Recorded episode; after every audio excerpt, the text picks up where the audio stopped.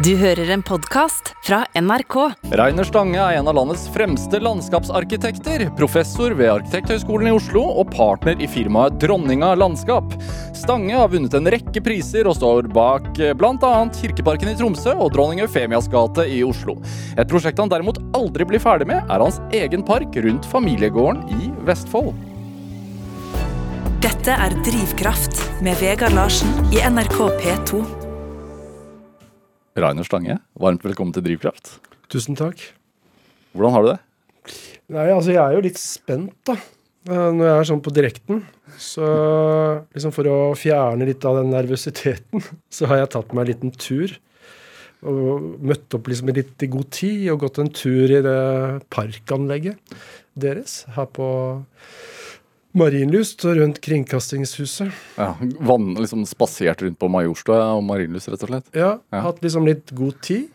Og sett på trærne, de store eiketrærne. Fine trær her oppe, og på høyden. Selv nå når det er bart og Ja, for de er jo monumentale og sterke, disse trærne. da. De liksom står der og er liksom klar til våren. Ja. Og sevja liksom stiger, og knoppene liksom holder på å svulme. Den skal bare vente for litt varme. ja. Så jeg syns det er Og så ligger det jo også så fint. Uh, sånn på toppen, Mm. det kringkastingshuset. Så er det monumentalt.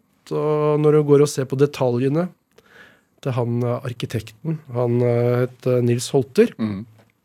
så er det jo veldig mye fin detaljering og mye overskudd overalt. Ja. Og særlig detaljene. Han var inspirert av radiobølgen. Bølgen. ja. Så det er, det er sånne svungne linjer overalt. I himlinger, i mur, i trappe, veldig i trapperommene, men i lampene, i armlenene, overalt er det sånne fine, svungne linjer. da. ja. For han tegna alt.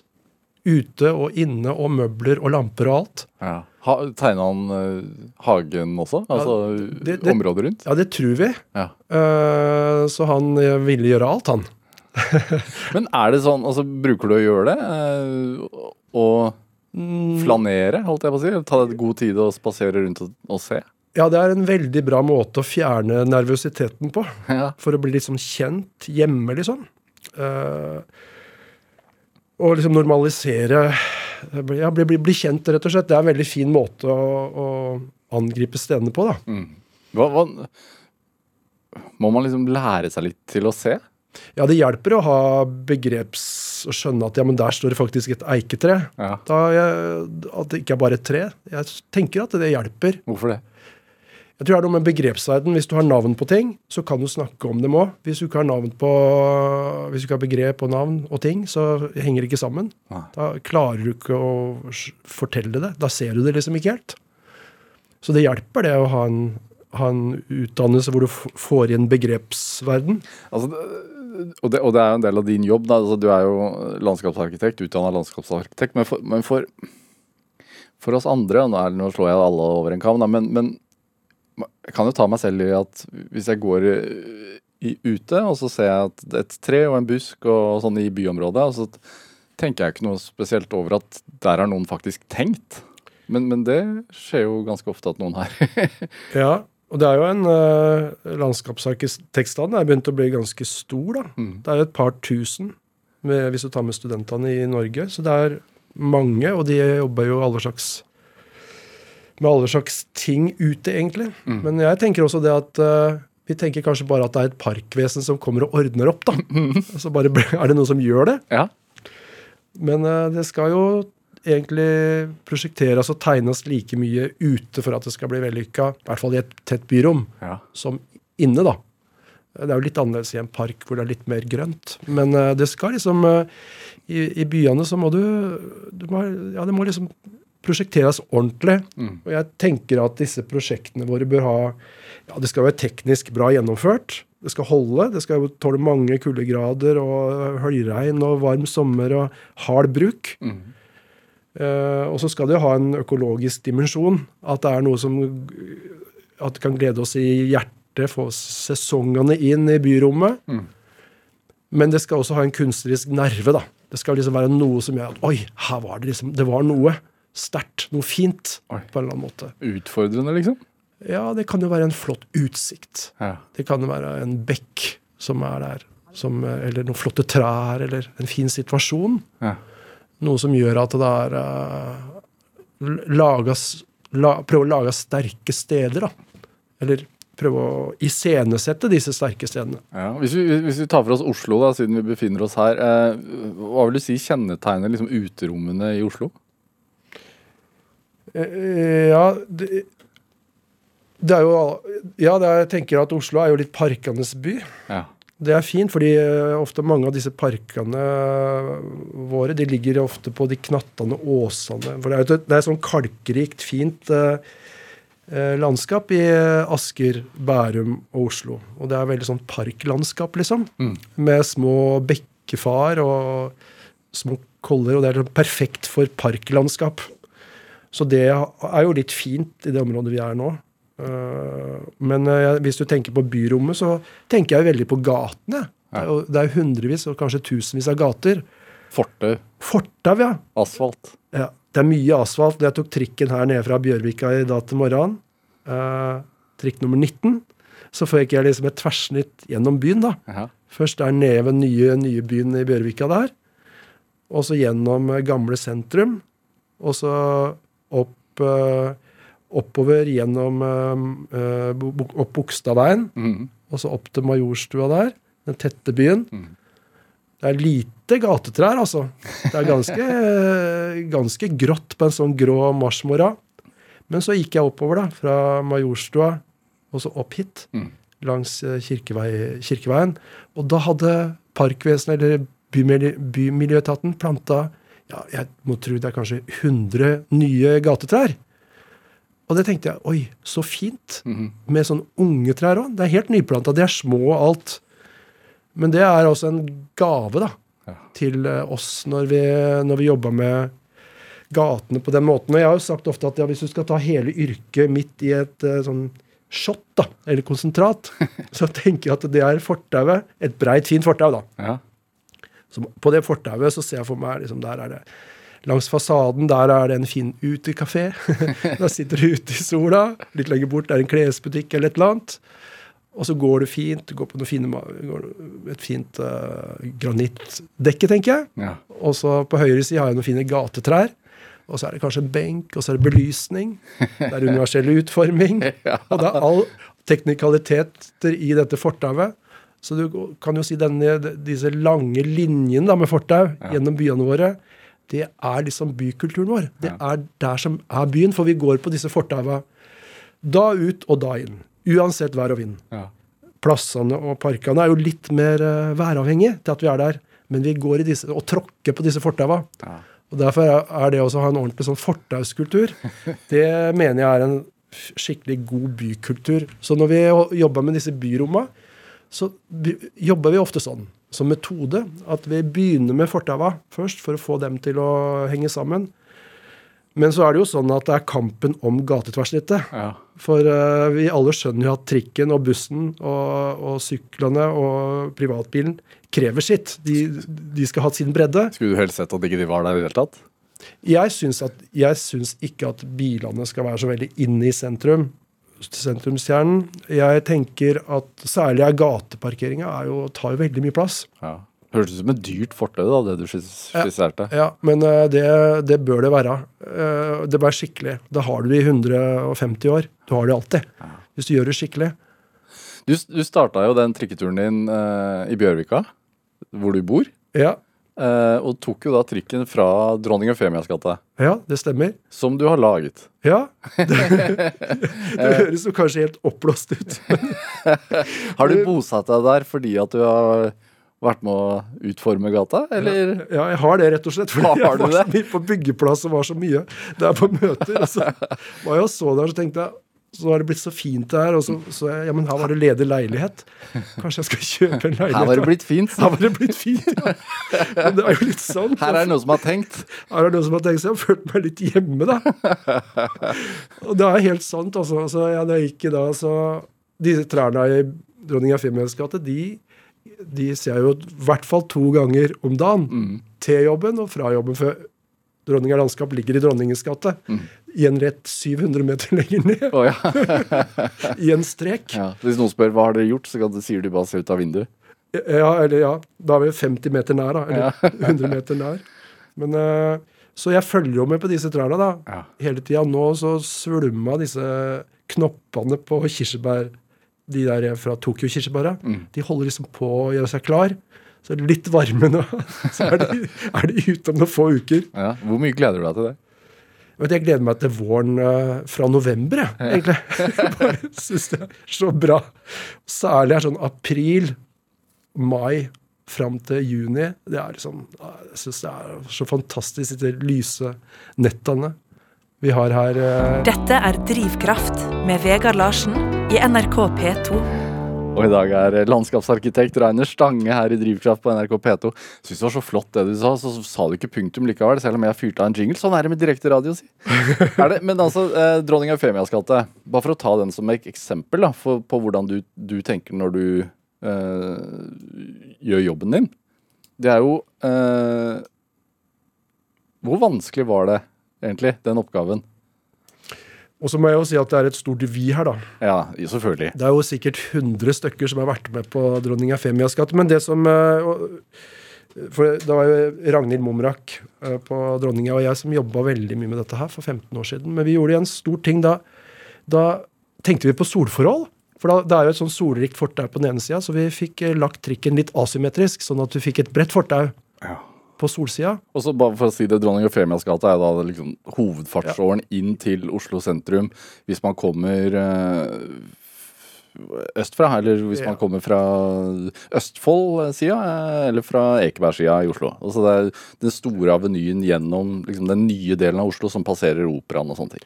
Ja, forbi Barcode. Ja. Mange kjenner jo det. Ja. Eh, så da fikk vi jo lagt den sånn at vi fikk et bredt fortau på den ene sida. Og så skulle jo trikken trenger jo sin plass. Den, har, den tar ti meter, den. For den skal ha det ene og det andre. Ja. Med perronger og alt. Og da er det jo sånn at bussen skal sitt, syklisten skal sitt, og et kjørefelt skal ha sitt. Så da er det jo egentlig å fordele den plassen som er der. Ja. Men det er klart at hvis vi har litt breie fortau og litt fine rabatter, så får vi plass til mye grønt. Eh, så da har vi jo maksa det, da, på en måte. Prøvd å få laga en slags parkgate. Få det grønne inn i byen, sånn at du har en grønn utsikt fra hver leilighet og fra hver, eh, hvert kontorvindu, egentlig. Sånn at eh, Jeg tenker at det er et hierarki av grønt. Hvis vi starter helt inne i huset vårt eller inne i leiligheten vår, så er det jo kanskje en Har du en blomsterbukett på bordet, så er det litt fest. Og så har du liksom potteplantene i vinduet. Og så har du kanskje balkongkastene ute på balkongen på terrassen. Og noen har jo er så heldige at det er en hage, eller en forhage. Og så har vi jo tre, eh, gatetrærne videre. Og så har vi kanskje parken, og så har vi marka og skauen lenger bort. Så det, det er kanskje et hierarki på sju da, grønne ting som skal inn for å ha et godt liv. På fransk så sier det un luxe nécessaire. En nødvendig luksus. Og det tenker jeg at det er det vi holder på med. Ja. Å få til eh, grønne, frodige situasjoner. da. Spesielt i eh, byggeområdet, eller byggesonen. Når du da Det er 15 år siden. Altså, hvor viktig er det, er det at du kan se altså, så Vi snakket jo om de ungtrærne du så har blitt plantet her nå. Hvor, når du ser de, ser du et ungt tre, eller ser du et stort tre? Nei, jeg ser et, jeg ser et ungt tre. Ja. Jeg gleder meg over det. Jeg gleder meg over nuet. Jeg, jeg, eh, men, men jeg veit jo at ting kommer til å bli større. Men jeg ser det jeg ser også. Men vi må jo også tenke på at ting skal bli større og utvikle seg. Men vi veit jo aldri helt heller. De trærne som står i gatemiljøet, har det ganske mye verre, som regel. De har som regel ikke så mye jord og må, små plasser til å utvikle røttene sine. Mens et parktre, eller et tre et, eh, i naturen, den har jo masse, mye mer plass, som regel. Men hvorfor kirsebærtrær da, i Eufemias gate, som er voldsomt trafikkert? Nei, der er det 60 ulike arter og sorter. Ja. Så det er laga som en, slags botanisk uh, gate. Så de er etikettert og alt. Så vi har, Hva, vi, hva, er det der, sa du? de er etikettert. Det vil si at vi har, vi har skrevet navn på dem på syv språk. Sånn at du kan gå og se Oi, ja, det, jøss, ja, det var en uh, Selkova, gitt. Så, så hvert tre har sin egen sånn uh, Et lite skilt. lite skilt? Ja, Ja. Du kan gå og se hva de heter. Vi tenkte det at det er fint. De er så fine, de botaniske hagene rundt omkring. Men de er ofte litt utafor byen og sånn, så vi tenkte kanskje vi kunne ta den, noe av den plantegleden inn i det offentlige byrom, da. Men uh, de trærne der nede i dronning Eufemias gate, Håkon 5.s gate òg, de er brukt etter elimineringsmetoden. For Istedenfor å si at vi skal ha lind, f.eks. ett tre, for det er over 500 trær der nede, store trær, så sa vi vi, tar, vi, vil, vi vil ha alle sammen, men de skal tåle kalde vintre, varme somre, de skal tåle salt, og de skal tåle stress og by, og også de skal kunne stammes opp, de skal være pene. Mm. Sånn at til slutt så satt vi igjen med 60 sorter og arter. Og de er, de er, de er ordna etter et system som om, så vi begynner, liksom vi begynner liksom i vest, i Amerika, med amerikanske artene. og så ender vi i Asia mot øst. da. Så Akerselva er på en måte Atlanterhavet. Wow. Så vi har lekt oss litt sånn. Bare for å få en uh, historie For å få dem til å uh, Ja, en, en metode, da, for å plassere dem. Dette veit man jo ikke når man går der. fordi de færreste har jo såpass oversikt over trærne. Nei, det veit du ikke. Men det som er rart, eller litt interessant å se, er at de asiatiske artene de blir grønne først. Og så kommer Europa, og så kommer de amerikanske artene til slutt. Ja. Så det er en helt sånn grønn bølge som går igjennom. Er det, det kan... også tenkt ut på forhånd? Nei. Nei. Jeg tenkte ikke på det. Vi, bare, vi ser at det er sånn. Vi, te, vi visste, litt, visste, det, men tenkte vel ikke Jeg tenkte ikke at det, at det var så tydelig. Nei. Men det at det, altså Selv om man ikke har noe forhold til hvilke trær som står i hvilken rekkefølge det er, men tror du likevel at det påvirker en når han går gjennom der? Ja, det, det gjør det, altså. Og, fordi de har sånn stemning. For jeg har lest et sted at 30-40% av våre gener er felles med trærne. Altså langt tilbake. liksom, firmenning, liksom. Det har jeg ingen anelse om, så det, det får jeg bare ta deg på ordet på. Ja. ja, nei, Jeg kan ikke akkurat dokumentere det her nå. Her og nå. Jeg har løst et sted. Ja. Og jeg tenker at de virkelig er uh, organismer. da, at Levende vesener som står der. Mm. Og at de har litt sånn utstråling. Uh, at de er forskjellige utstråling For de er plassert i lunder. da, Så de er en gjeng på tre og fem og syv som står sammen. Og prater med hverandre, gjør de ikke det? Ja, det tror jeg. Det, det, gjør det, men disse Det er også en trærnes hemmelige språk eller noe sånt, hemmelig liv. Ja. Der er det sånn han skriver, han tyske forfatteren, at de har, kommuniserer med disse rothåra eh, som er på røttene ja. eh, mellom. Så vi har gitt dem veldig mye jord og, uh, under fortaua så er det svære systemer for at de skal få utvikle seg godt. Så de trærne vokser godt der nede. Ja, Så de trives? De liker seg så godt. de, de, er jo som oss, de vil jo leve av, ikke sant? Ja. Så de, det er fart i dem. Hva føler du når du går der? For Siden du går der to ganger om dagen. Altså, det er begge deler. Noen ganger så er jeg så, så liksom glad. Jeg synes, Oi, her er det så fint å være, da. Ja. Og så kan jeg jo irritere meg veldig hvis det er noen som sykler på fortauet. Eller hvis det kommer spark, syv sparkesykler som ligger drøst bortover. Ja. Eller hvis noen kaster søppel. Så tenker jeg liksom at eh, det er liksom noen som har søpla til hos meg, liksom. så det er sånn vaktmester. Ja. ja, altså som, som landskapsarkitekt, når du får et prosjekt, så hva er det første du liksom ser etter? Det kommer litt an på hva slags prosjekt det er, men hvis vi, vi tenker på hvis det er litt plass, da, mm. og hvis det er en park f.eks. Kirkeparken i Tromsø, eller du kan, du kan ta et eksempel, hvilket eksempel du vil.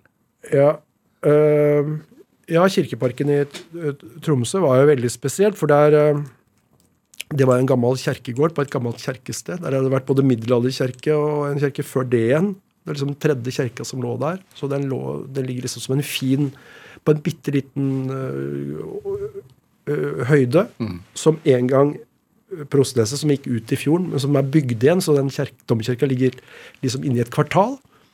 Så da var vi, var vi opptatt av å lage en subarktisk oase.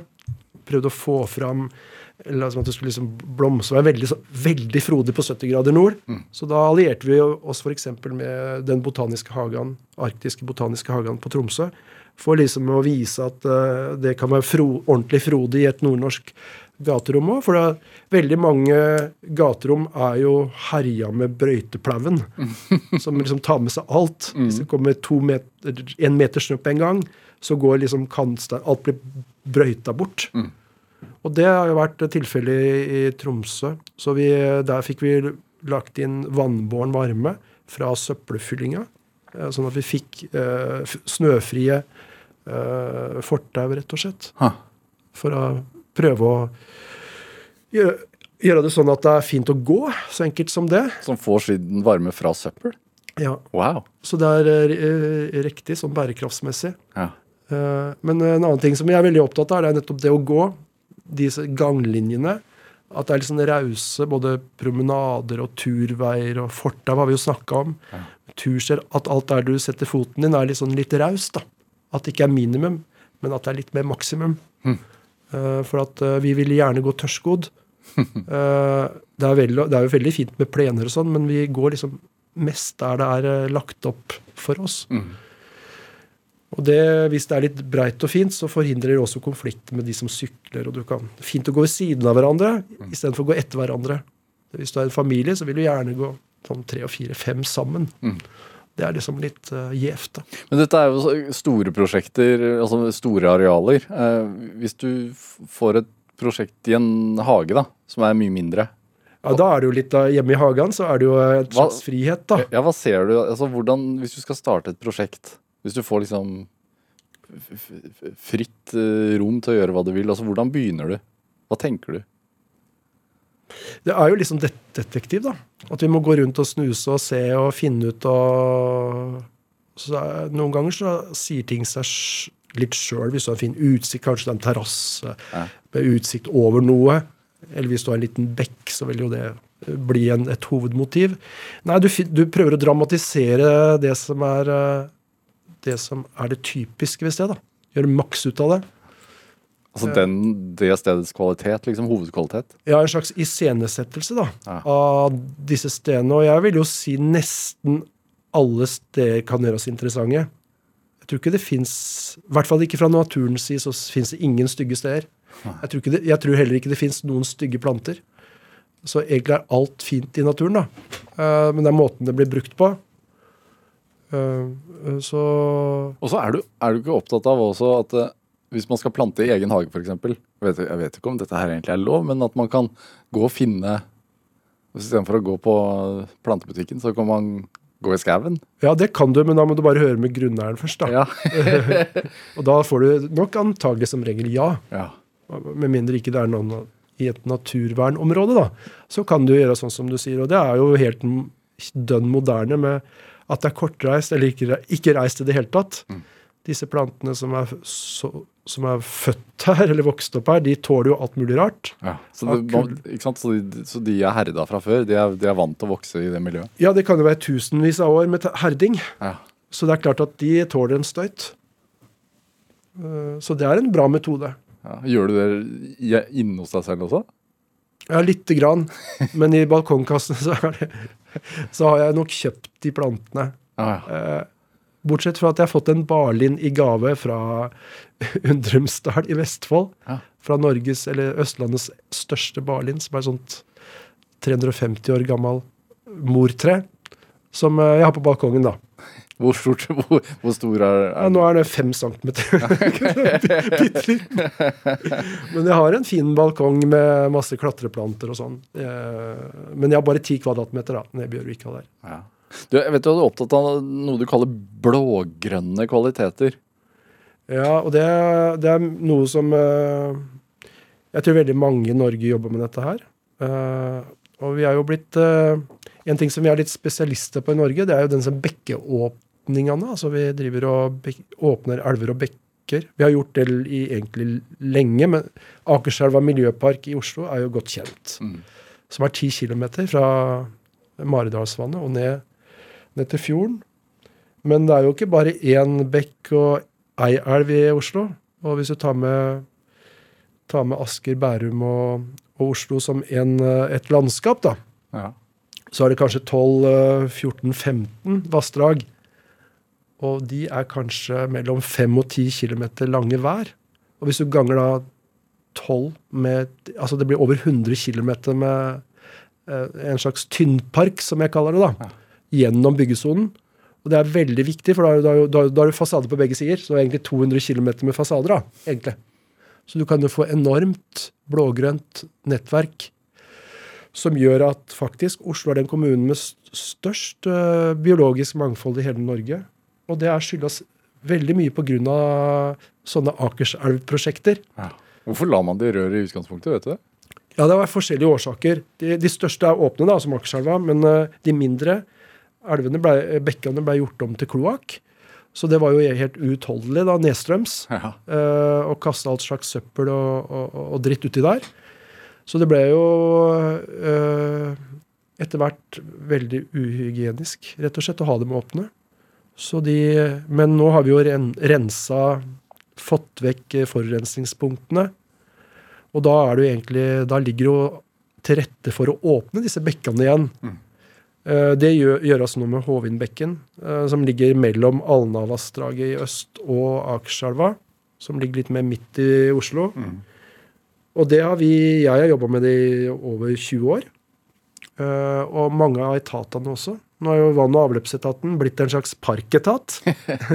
den, den gamle grå kloakketaten, som jeg kaller den, har blitt en sånn grønn, frisk eh, etat. eh, og har sammen med plan- og bygningsetaten Ja. Vi jobba f.eks. med Ensjø, en bydel da fra bilby til boligby Ja. for 20 år siden. Og da var det sammen med Plan og bygg og VAV og, og jeg som foreslo at kan vi ikke åpne Hovindbekken gjennom Gjersø? Og det er den blitt nå. Mm. Så nå er det rett og slett Gladengveien er det et eget er gate med vassdrag. Små fossefall. Og det er bare så Det er bare en sånn stor glede, altså. Hva gir en bekk, da? Nei, det er jo en slags stor, sterk poesi, tror jeg. Jeg tror alle nordmenn nesten har hatt en lekebekk, eller på en eller annen måte har et forhold til det. Jeg tror det også den gjenspeiler veldig bra det norske lynnet. For at det, det er liksom sånn Det er litt sånn eh, Det er ikke en sånn svær kanal, fransk kanal, liksom, men det er en sånn sjarmerende liten lekebekk som, eh, som du kan eh, Og så er det mange av de bekkene, for det er jo forholdsvis mye nedbør, og så er det mye terreng hos oss. Og så kort vei fra, fra høyden og ned til fjorden. Så det blir mange små vassdrag overalt. Så det er jo En fransk kollega sier at det norske landskapet er aldri kitsch. Det har alltid en friskhet i seg. Og det, det har vi jo sett. Alle nordmenn har jo sett det. Men jeg, de er, men jeg tenker at det er utrolig Det er jo også en slags Det har jo ikke noe prosjektgrense, for det vannet renner. Nei. Så vi, og det er politeknisk. Alle slags fag må jobbe sammen. Alt fra dem som er opptatt av fisk, til eh, de som skal rense vannet, til uh, Ja, og så har vi denne en slags kvadruppel uh, herlighetsfaktor, da. Langs vassdraga. Du har vannet, naturligvis. Ja. Og så har du ofte turveiene da, langs dem. Og så er det det grønne, at det er trær og busker, at det er en frodighet. Og så er det ofte belysning. Ja, og så er det kanskje 50 til og med benker. da. Så du har en slags parkstruktur som gjør at uh, vassdraget er et slags lokomotiv i byplanlegginga og i prosjektene våre. da. Vi trenger ikke å finne på noe. Vi kan bare, vi kan bare øh, løse problema. Ja. Og det er så deilig. For da slipper du, ins- du slipper å insistere. Du har liksom noe sterkt som øh, tar føringa, da. Hvorfor tror du vi liker så godt å gå langs elver og bekker? Nei, Det er jo noe som lever. Da. Du kan bare, du blir liksom aldri lei av det vannet. Altså, det er aldri kjedelig. Og det forandrer seg litt hver dag. da. uh, og hver, hver hele tida. Årstiden og alt. Det er liksom alltid noe nytt å se på. En, en uh, annen ting jeg veit du, altså, vet du syns aldri blir kjedelig, er ABBA. Ja, nei. Nå har jeg dansa etter ABBA i 50 år snart. så det så det er, det er eh, Hvis du skal ha bra partyfaktor, sett på ABBA. Hvis du skal vaske huset, Ja. kan du bare sette på ABBA. Ja, Når setter du på Don't Shut Me Up, Shut Me Down? da? Ja, Den setter jeg på eh, ja, ja, et par-tre ganger i uka, kanskje. Nei, jeg, jeg, jeg setter på hele albumet, Ja. uh, Voyage, når jeg, når jeg springer uh, tur. Da, den tar akkurat fem kilometer å springe. Uh, og så har jo Er jeg jo ABBA fortjener en liten eh, forklaring, for at eh, eh, broren min sa Dette var i 1973. Uh, og ABBA vant ikke med Ring Ring i Stockholm. Og så sa Magne, da, som er som var seks år eldre enn meg. Jeg var jo bare en liten drittunge.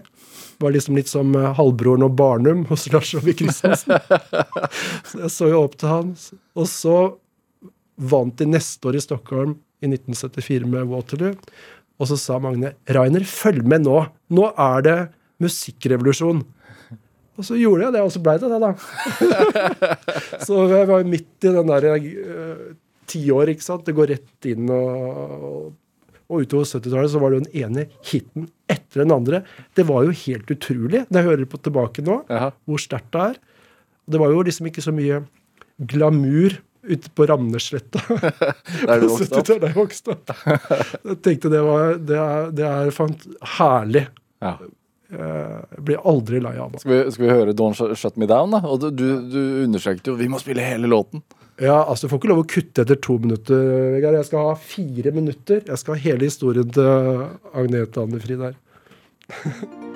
A while ago, I heard the sound of children's laughter. Now it's quiet, so I guess they left the park. This wooden bench is getting harder by the hour. The sun is going down, it's getting dark. I realize I'm cold. The rain begins to pour as I watch the windows on the second floor. The lights are on, it's time to go. It's time at last to let him know.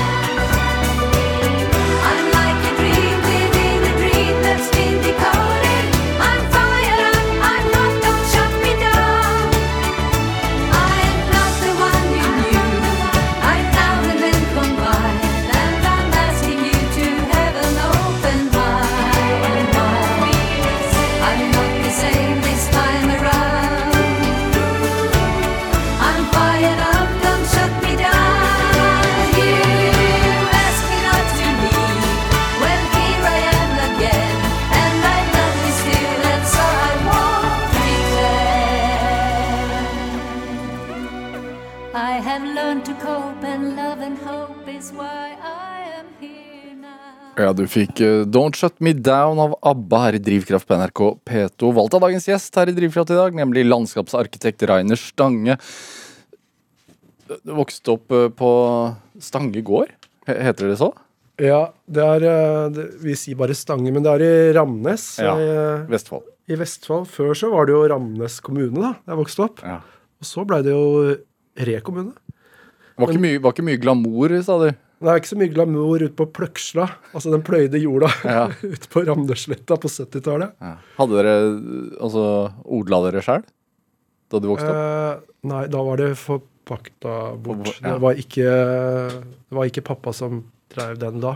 Men hvor viktig tror du det har vært for deg med den nærheten til landskapet og, og natur?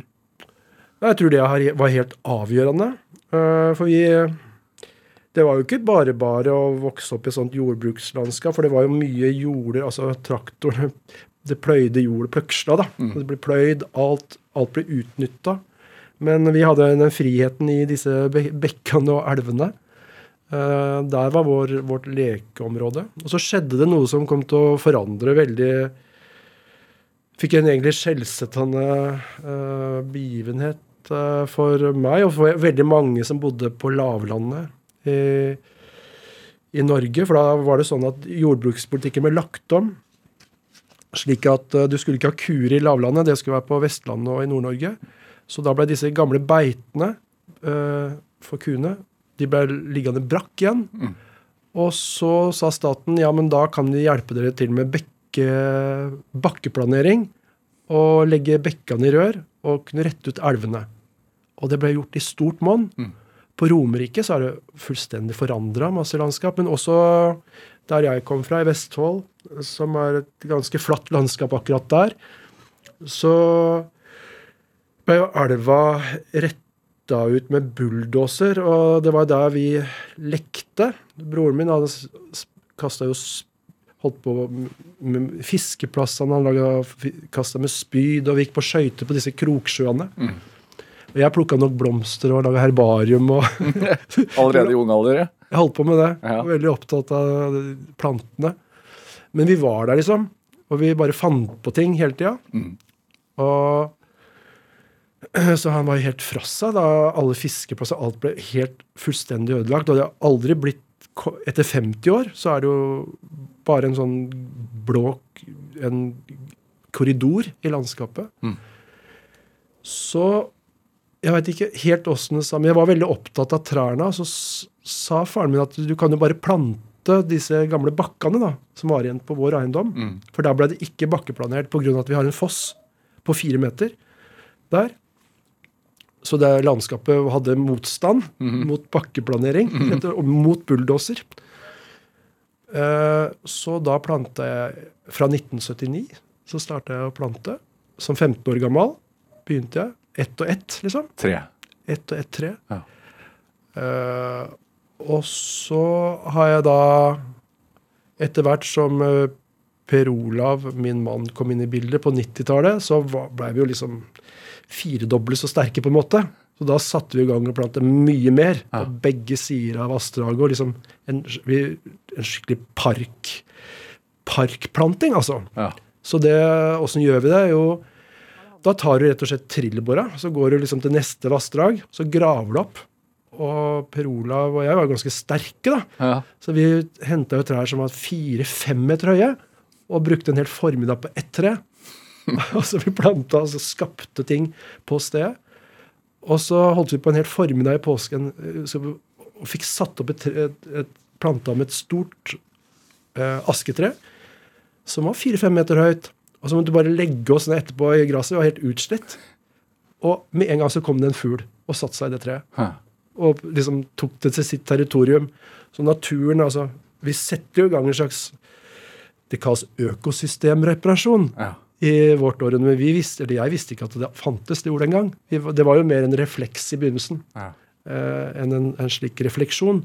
Dessuten var det, bill det var gratis, ikke sant? Men, men det har du holdt på med i over 40 år, da? Altså, ja, jeg har gjort det nå. og- og- men hvorfor denne iherdigheten? Altså, hvorfor har det vært viktig for deg? Jeg syns det er noe sånn fantastisk med det å så plante, da. Og så skape dette livet. Og så sette i gang en sånn uh, Jeg vet ikke, jeg leker med de plantene, på en måte. Uh, det er en slags kunstverk du er i, da. Og jeg glemmer liksom tid og Jeg kan bare holde på med det i timevis. syns jeg er veldig gøy. Så det er gøy også å se ting at det, inn, at det skjer noe med en gang. Og så er det veldig gøy å tenke på at det kommer til å holde på sånn veldig veldig lenge. da. Du setter i gang et sånt, system. Og at det blir stående også.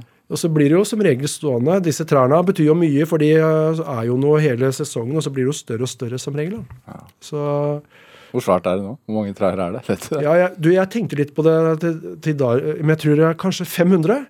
Ja. Jeg tror jeg planta ca. 500. Wow. Og da har jeg tatt forsiktig i. Da har jeg ikke tatt med hekker og sånt nå. Da har det tatt ut med de som er ordentlig trær. Så, så det er, og, nå, og så har det jo skjedd noe nå med Ramneselva, for den nedstrøms, altså eh, Nå forteller jeg om liksom nesten halve bygda, da. Eller sentrum, sentrum der.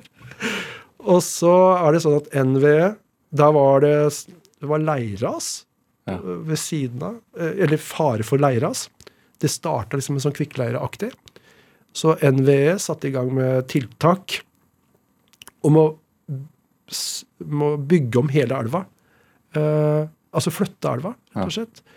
Og nå på 2020-tallet er det annerledes enn 1970- og 1980-tallet. Nå er den perle, eller um, elvemuslingen som ble ødelagt da for 50 år siden, den ble nå tatt vare på. 2000 stykker fant vi i elva, Ja. som er tatt opp forsiktig. Og så har de vært på ferie liksom oppstrøms. og så har elva lagt om. Uh, og, så, eh, og så sier jeg til uh, grunneieren av Gården heter faktisk Ramnes, mm. nabogården til Bøle. Sier jeg kan vi ikke ta vare på den anleggsveien som uh, NVE legger opp når de skal flytte elva, og så kan vi bruke den som en turvei etterpå, så vi får en bygdepark. Mhm. Og det gikk de med på. Ja. Og så det har jo så det er grusa fint og nydelig. Og så sier jeg til NVE og Tønsberg kommune ja, men dere må jo rydde opp etter det. Dere må jo plante. Nå ser det, har det bare blitt en eh, blå korridor. Ja. Det ikke, kan jo ikke se sånn ut. Nei, jo, vi har ikke noe mer penger og sånn. Ja, men Og så har jeg holdt på, da. Og så til slutt så sa Ja, ja, ok, vi har litt penger likevel. Naturligvis har de penger. Så Du har mast? Sier masa litt og brukt alle de Jeg har brukt det jeg kun for å få det til. Ja. Og så har jeg sagt ja, men da kan, eh, da kan dere få planter fra gjestegården, da, som søstera mi har nå. For der er det mye oppslag. Altså kommer av seg sjøl. Ja. Og så har vi planta 160 trær da, i fjor. Og det er lønn og alm og ask og sånn. Sånne fine, fine ting. så nå har vi, nå har vi laga sammen med kommunen NVE og grunneier Ja. og oss, har vi planta da, hele grenda, liksom. Hvor blir du litt sånn Føler du deg litt som foreldrene til alle disse trærne? Ja, gjør det. Det gjør det. Absolutt. Ja. Det er liksom eh, da, da er det ikke så nøye med prosjektgrenser og eiendomsgrenser. Jeg føler liksom at det, at det er liksom litt mitt. Jeg gjør jo det, men eh, en fin, en fin sånn ei, en fint eierskap er det. Ja. Et hyggelig eierskap. Mer sånn å passe på at det går bra.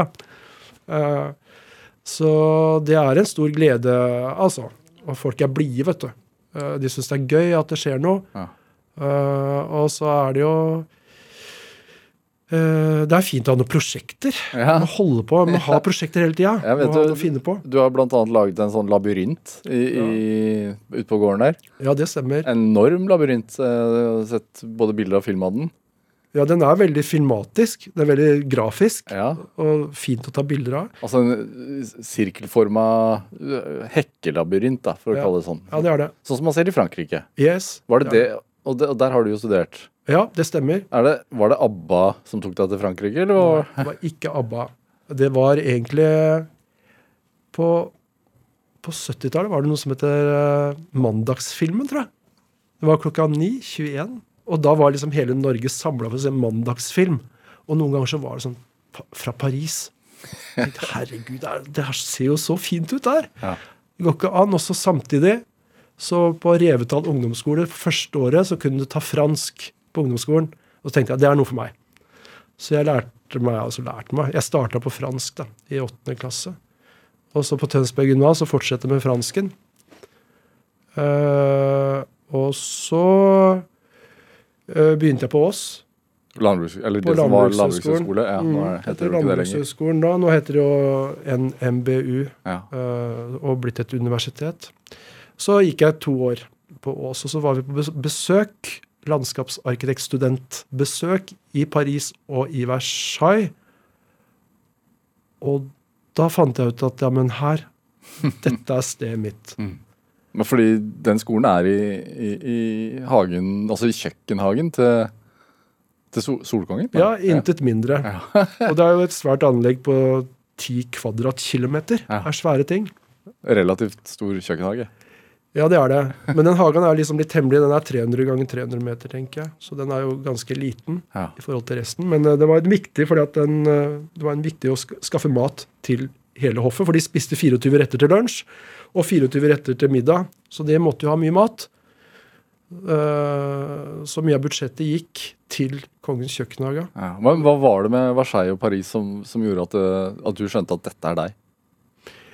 Jeg føler meg veldig velkommen dit, da. Ja. Eh, så er det en, jeg var der når jeg var 17 år på språkkurs, og var innom. Og så var jeg bak den lille, den lille parken bak ved Notre-Dame der. Så var jeg liksom aleine med noe som heter Der går elva der også. Le Petit Bras. Den lille armen kalles den. Den lille elva. Og så tenker jeg jøss, her er det så fint. Her har jeg liksom bare lyst til å være. Så nå har vi kjøpt en leilighet rett overfor den, det stedet. Så jeg ser bort til det stedet hvor jeg hadde liksom sånn der sterk følelse for 40 år siden. Er du en romantiker? Ja, det høres jo sånn ut, da. Ja. Jeg er nok det. Uh, hvis det betyr romantisk, så absolutt. ja. Så det, så det var veldig Men så begynte jeg i Versailles på den skolen. Og det var veldig stor overgang eh, for uh, franskmennene. er veldig harde og tøffe uh, når det gjelder sånn konsepter. Det er, hvis du ikke har noe, så blir du bare vifta av banen. Og vær så god, neste. Og hvis du er flink, så får du holde på lenge. Og hvis du er dårlig, får du ikke noe tid. Hvordan tenker de byplanlegging og, og, og byarkitektur og hager og sånn annerledes? Det er nok litt eh, større, mer i, i, i morsmjelka i, i Frankrike. Med, de har jo en 2000 år gammel historie i Paris. Så det er jo veldig eh, mye byplan og park- og gatediskusjon. Eh, og så har du jo André Lunot, verdens største landskapsarkitekt, bak, bak Versailles-parken og 2000 andre anlegg. Så de har jo en stor kulturarv. Det er som vi har Ibsen i Norge, kanskje. Eller Munch. Alle kan sin Lunot, liksom. Eh, Hva vil det si, da? Hva er det, hva er det han eh, ja, gjorde som det er et bra spørsmål. fordi at uh, han innførte en slags metode. Og det var en slags modernisme òg i faget. Han tok nemlig og drenerte disse myrene inntil glitrende vannspeil.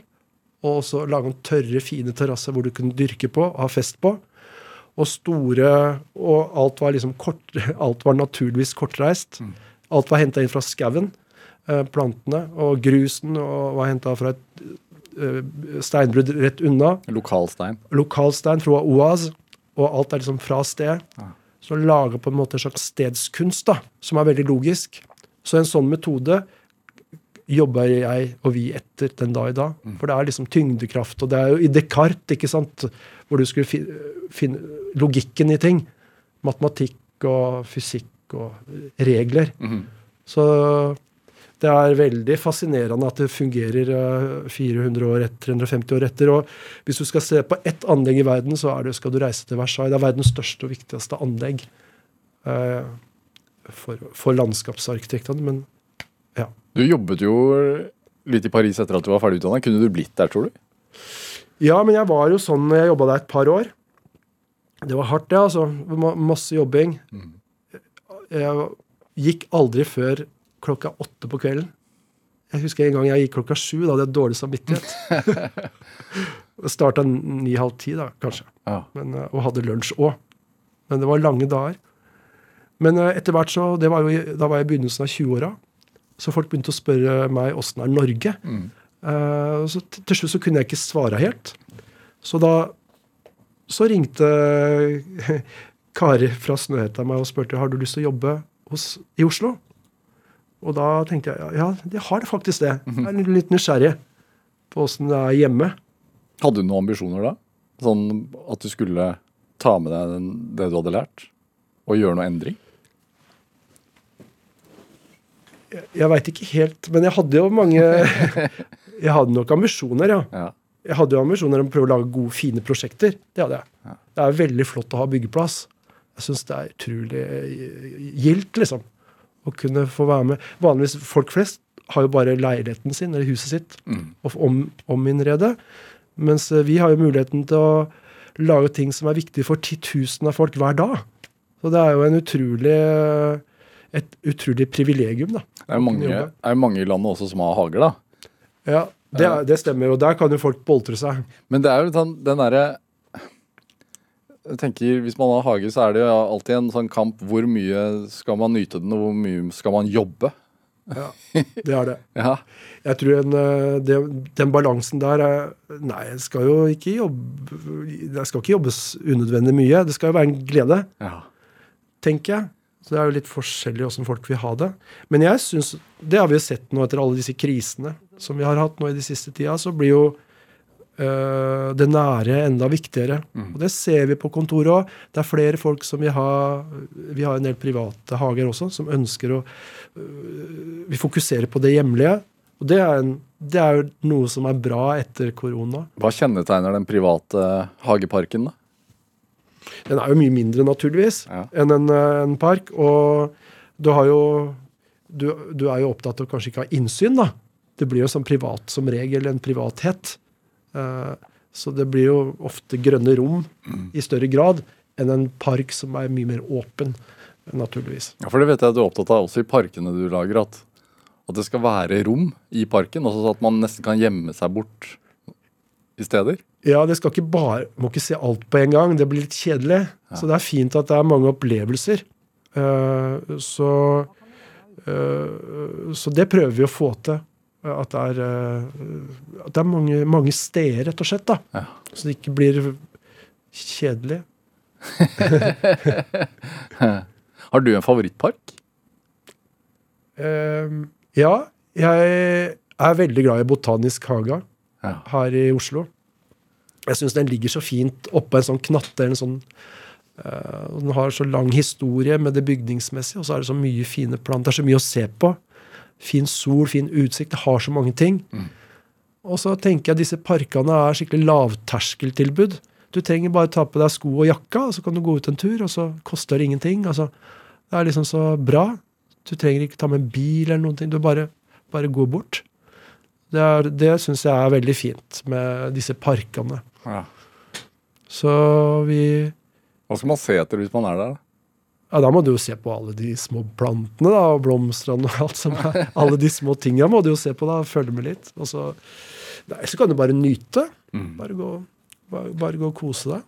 Det er mange fine ting. Jeg pleier alltid også Per Olav og jeg pleier alltid å besøke de botaniske hagene rundt omkring i, når vi er på tur. For det er alltid de hyggeligste folka og de fineste tinga er i de botaniske hagene. Det, dette programmet heter jo Drivkraft, og det, det virker jo som for meg at du nesten har kjent på den følelsen at du skal drive med dette her siden du var liten gutt. Jeg tror, ja, Det var egentlig veldig sånn naturlig. Det har liksom alltid vært en sånn grønn åre Ja. i livet mitt. Det var jo Ja, så det var liksom lett, lett lettvint å gå den veien. Ja, har du noen tanker om hvorfor?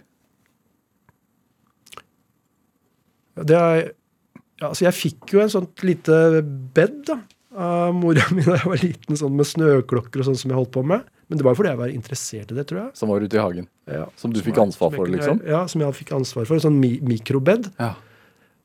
Og så hadde jeg en bestefar som hadde drivhus og tomater og agurker, og hadde en liten gård i nabokommunen, i Andebu, som jeg har arva nå, den lille gården. Mm. Uh, uh, så vi, han holdt på med kulturlandskap, han holdt på å gjøre det fint. Så jeg fikk det vel kanskje veldig inn med fra barndom. Og så var mora mi var veldig flink til å plante, at vi var, plante trær, og vi holdt på hele tiden. Så jeg egentlig holdt på med det hele livet. Er det Er det et råd å gi, gi til Altså at man tar med de små barna til å la de liksom plante fra tidlig av? Ja, det tror jeg er fint. Jeg, jeg tenkte de, En del unger er jo liksom vil ikke spise ditt og ikke spise datt, men det var bra hjemme, for at mamma hadde både drivhus og kjøkkenhage, og da fikk vi i oppdrag liksom å hente bønnene som vi skulle kutte opp mm. til middagen, og så gjorde vi det, og så skulle de koke, og da måtte du liksom smake på det òg. For da blei det liksom en del av mitt prosjekt. Ja. Så det er en fin måte å lære ungene til å spise grønnsaker, da. Så er det litt sånn andaktighet over det også. Hvis man har hatt en tomatplante i vinduet, liksom, og får fem tomater, da, Ja, så skjærer man de med litt andaktighet. ja. Og så hadde vi mye bær. Vi hadde bringebær og jordbær og alt mulig. Vi var liksom, det var hele, so mye av sommeren gikk med til å spise og holde på med sånne ting. Ja. Så det var egentlig veldig moderne og økologisk oppvekst, egentlig. Anders Lange, hva, hva tenker du er drivkraften din? Ja, nå har du hørt litt, da, men det må jo bli å plante. Ja. Uh, både i ja, i den nære skalaen, men liksom lage sånne store gateplantinger er veldig gøy. Og så så parkplantingene gir jo noe til alle, da. Hva håper du folk føler når de går gjennom parkene dine? Jeg tenker at det er en liten sånn eh, følelse av lykke. Tenker jeg må Bør jeg jo da komme med. Ja. Eller en eh, Ja, at føle seg litt fornøyd. Rainer Sange, tusen takk for at du kom til Drivkraft. Hør flere samtaler i Drivkraft på nrk.no eller i appen NRK Radio. Send oss gjerne ris og ros og tips til mennesker du mener har drivkraft. Send en e-posten til drivkraft.krøllalfa.nrk.no. Vi hører veldig gjerne fra deg. Produsent i dag var Heidi Andersen, og Tobias Brynjulsbakken Huse bidro med research. Jeg heter Vegard Larsen. Vi høres. Du har hørt en podkast fra NRK. De nyeste episodene hører du først i appen NRK Radio.